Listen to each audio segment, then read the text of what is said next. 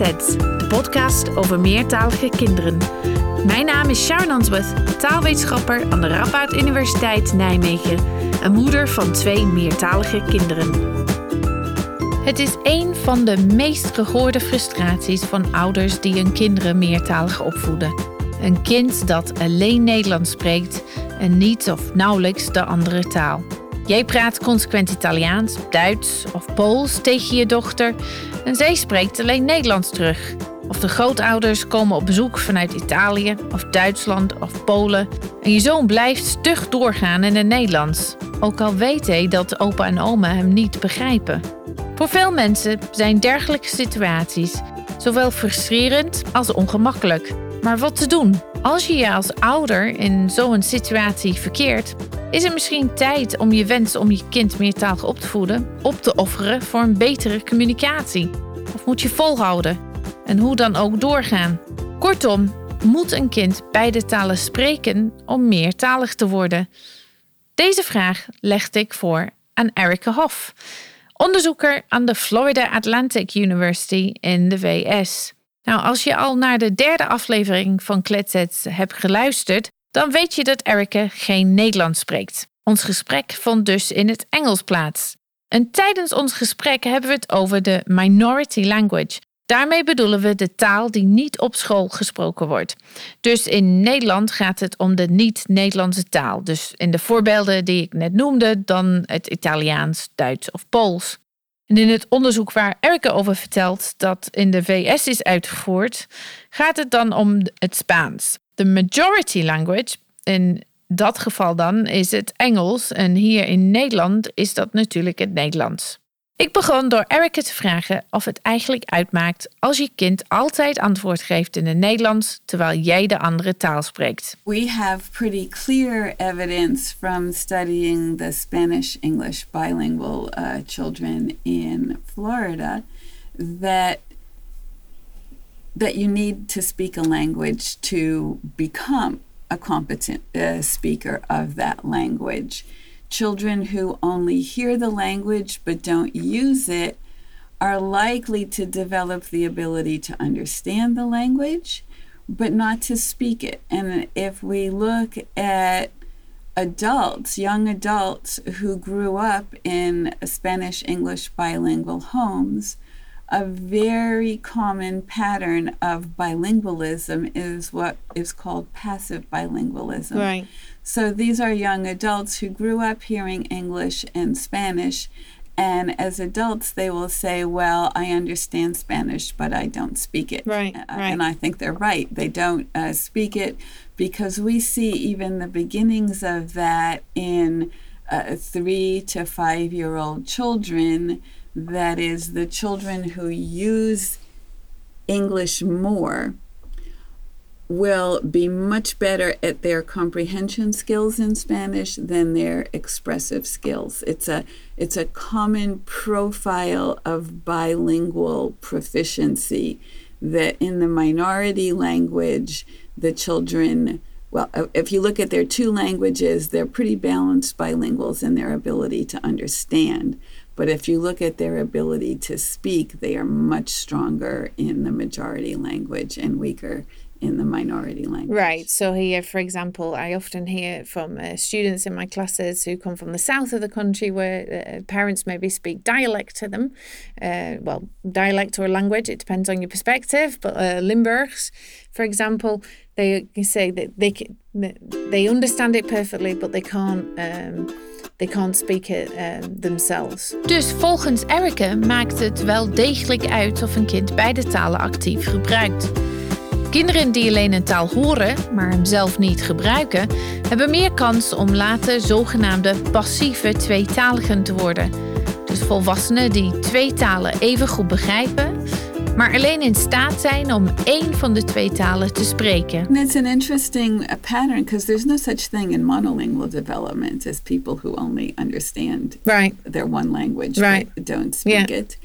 And and I think we have some pretty good evidence that one factor that contributes to that is this pattern that we see very early on of children preferring to speak the majority language and making uh, choices at home, um, whether their parents like their choices or not. The children are making choices to use uh, the majority Well, language. It's arguably something you need to get used to as a parent, right? Not being happy with your children's choices.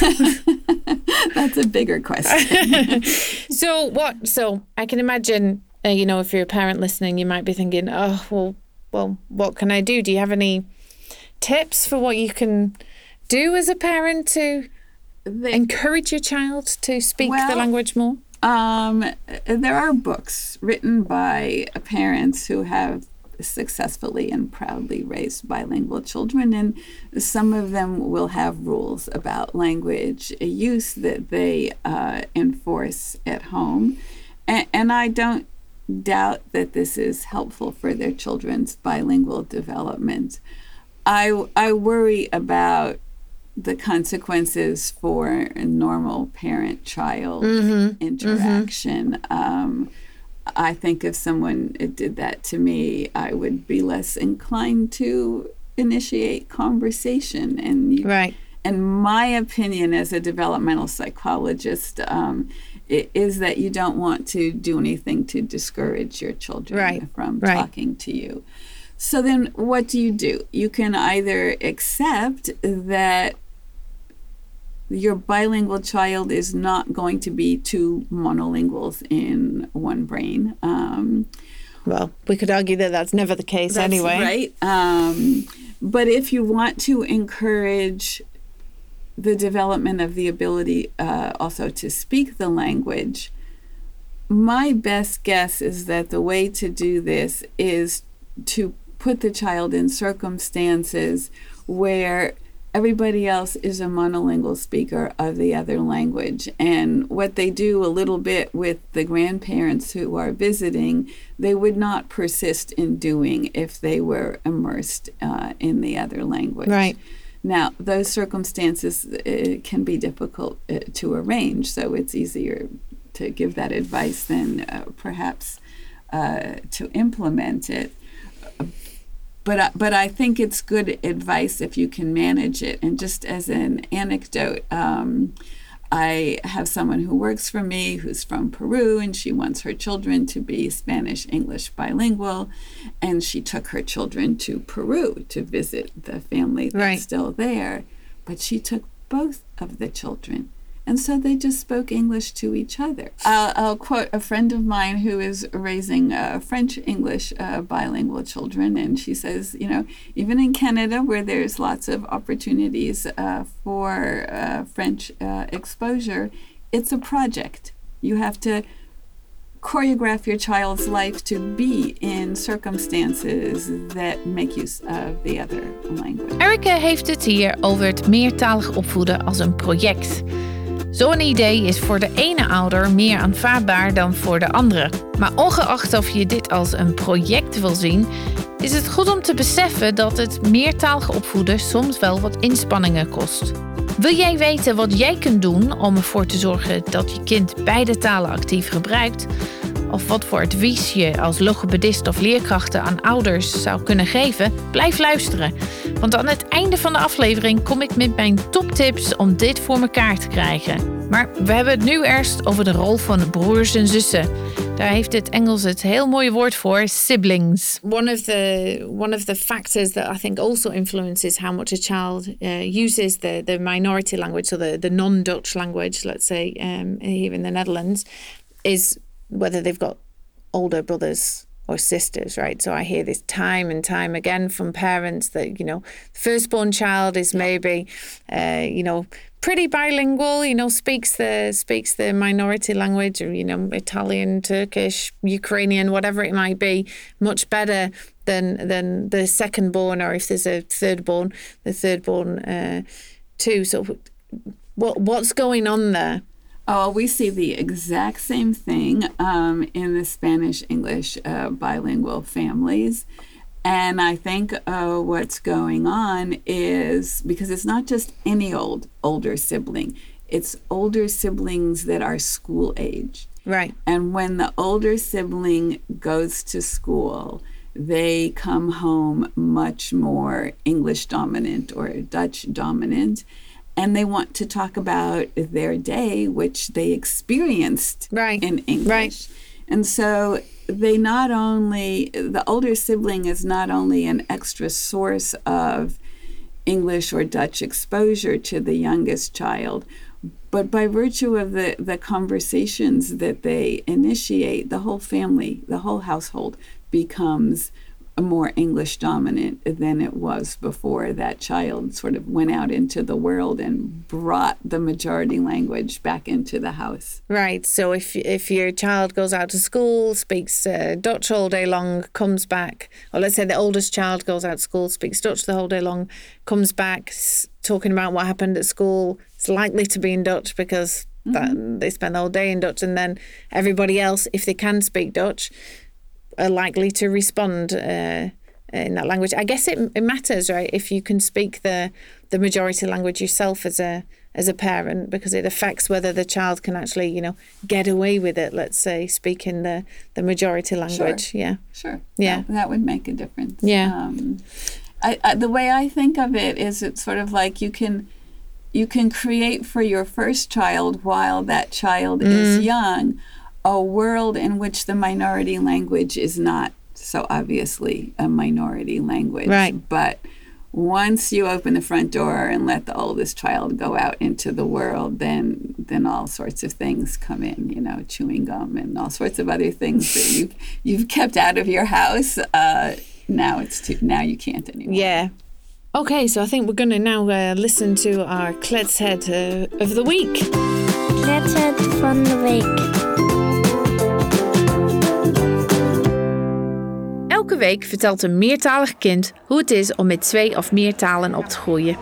Ehm, ik ben Maxime en ik ben 9 jaar. Ik spreek Nederlands, Russisch en Engels. Drie talen. Ja, Knap hoor. En met wie spreek je Russisch? met mijn moeder Met je moeder? en mijn oma en eigenlijk mijn moeder zijn familie. Oh, oké. En met wie spreek je Engels? Met mijn vader en mijn broertje en mijn vader zijn familie. En Nederlands leer je op school. Ja, En hoe is dat om drie talen te spreken? ehm, Wat is daar leuk aan? dat ik eigenlijk meer mensen kan ehm, met, met meer mensen kan spreken en ik kan sneller vriend, vrienden worden met bijvoorbeeld ehm, kinderen die nieuw op school zijn en ze ehm, van Rusland zijn en ze kunnen niet Engels of Nederlands. Dan kun ik met ze makkelijk spreken. Ja, dus je kunt ze helpen. Ja, bedoel je dat nou? Dat Ja. vind ik heel erg leuk. En zijn er minder leuke dingen aan eh, meertalig zijn? dat ik ehm, meer moet onthouden. Meer worden, ja. Ja, Ja. meer woorden onthouden. Je hebt heel veel woorden in je hoofd. Ja. Ja. Ja. En ken je... Nou, ik spreek Engels wel en ik spreek Nederlands, maar ik spreek geen Russisch. Kan je mij iets in het Russisch leren? Wat is een moeilijk woord in het Russisch? Wat is moeilijk om eh, uit te spreken, bijvoorbeeld? Rybka. Rika? Rybka. Ze moeten eigenlijk r- Rupka. Rybka. Ripka. Doe ik het niet goed? Nee, Wat betekent dat? Vis. Vis? Ja. Oh jee. Dan, hoop ik dat ik geen vis moet bestellen als ik in een restaurant zit in Rusland. en heb je andere vrienden die eh, meertalig zijn? Een van mijn vrienden is eh, Fries.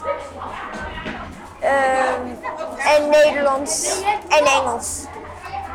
En welke taal spreken jullie met elkaar dan? Nederlands. Nederlands. Ja. En kun je lezen in het, eh, in het Engels of het Russisch? In het Engels wel, maar in het Russisch niet zo goed. Niet zo goed. Het is een ander alfabet, hè? Ja, Ja. En in welke taal? Dus je leest in het Nederlands. ja, Ja, vind je het leuk? ja. Lezen. Ja.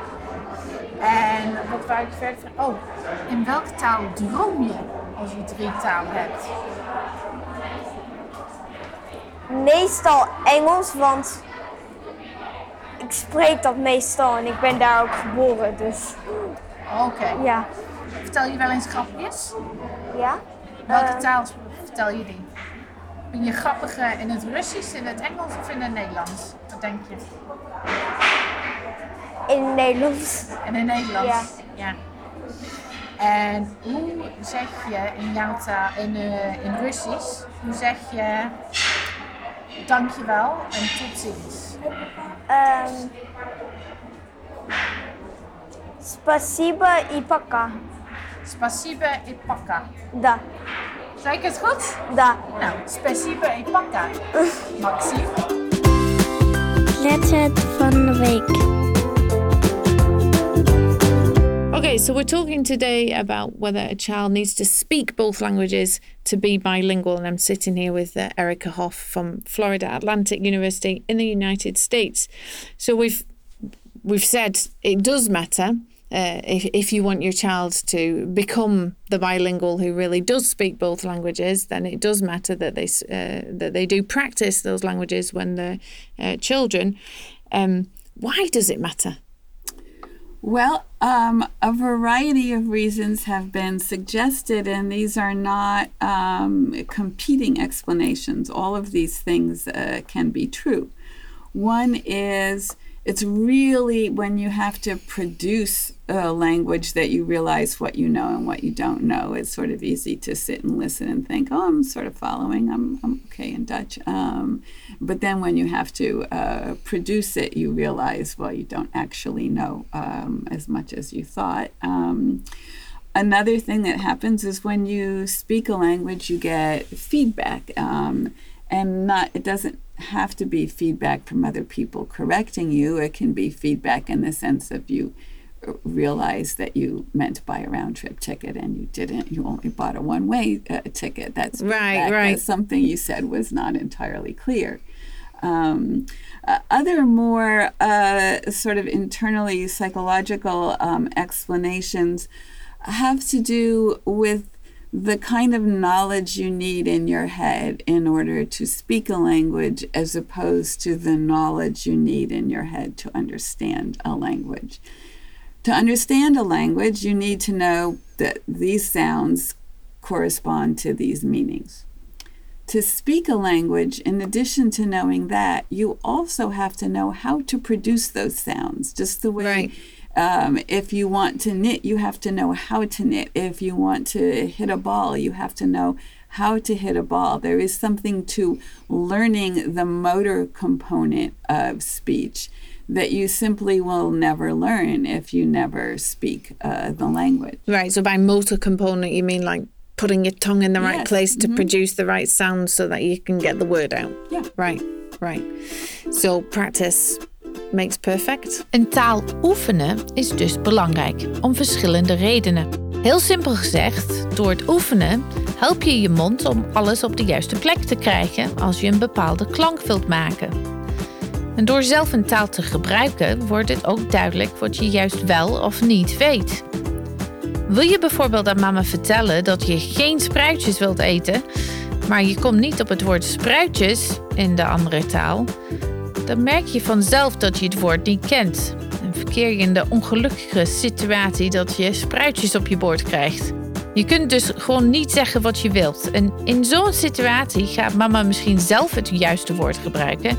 En doordat jij net een poging hebt gewaagd om dat te doen, maar het lukte niet, ben je beter in staat om dat nieuwe woord op te pikken. Vraag je om broccoli, terwijl je juist spruitjes bedoelde, lijkt me onwaarschijnlijk, maar wie weet, dan krijg je wat Erica hier net feedback noemde. Dus in zo'n situatie lopen dingen anders dan wat je bedoeling was. En daardoor word je bewust van het feit dat iets dat je net zei waarschijnlijk niet helemaal klopte. Soms zijn deze leermomenten echt bewust, maar vaak helemaal niet.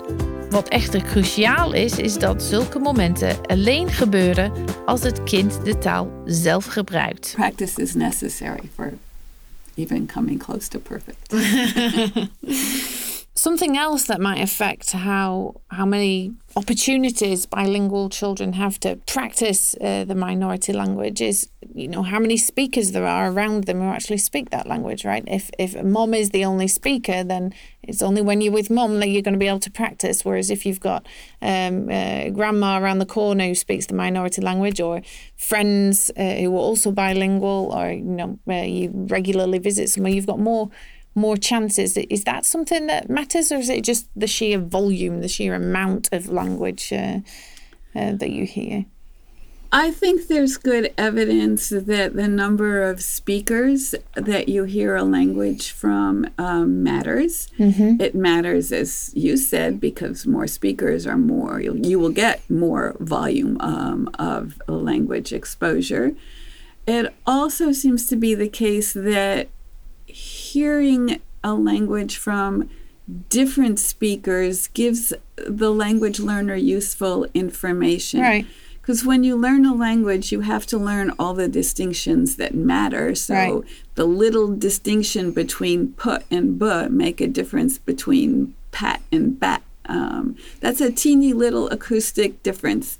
And learning language requires learning that it matters. On the other hand, the child also has to learn all the things that don't matter. Right. When I say p- pat and a male speaker says pat, acoustically they're very, very different. And it's the same word. So that kind of variety seems to be important for, to help children learn the difference between the differences that matter Right. and the differences that don't matter. Um, that's a pure sort of information function of having multiple speakers. I also think, and sociologists have have uh, suggested this, that multiple speakers tells the child that this language has communicative value. Right. I can talk to a lot of people Yeah, it's important. So it would be it would be good to show a child that there are other speakers out there who speak that language, or so. And, and think other so. children uh, too. Finding other, you know, there often there are. Uh, parent child uh, groups you know around a certain community culture language is it Well, this hasn't actually been studied, but I, I would think so, again, for the communicative Mm-hmm. uh, value of it. Yeah, I mean, I know. I remember a, um, a colleague for when I worked in Utrecht, an Italian speaker. She had a, a, a club of Italian uh, speakers, and they did, you know, events, uh, cultural festival, uh, food, those kinds of uh, things, uh, everything to do with Italy. And she said the parents will be speaking Italian and the kids will be running around speaking in Dutch. I think even so, I think it's still important, right? Because it, it shows you, it teaches the child that there is a, a different culture out there as uh, as well, right? Then, so in that sense, that the language is im- important too.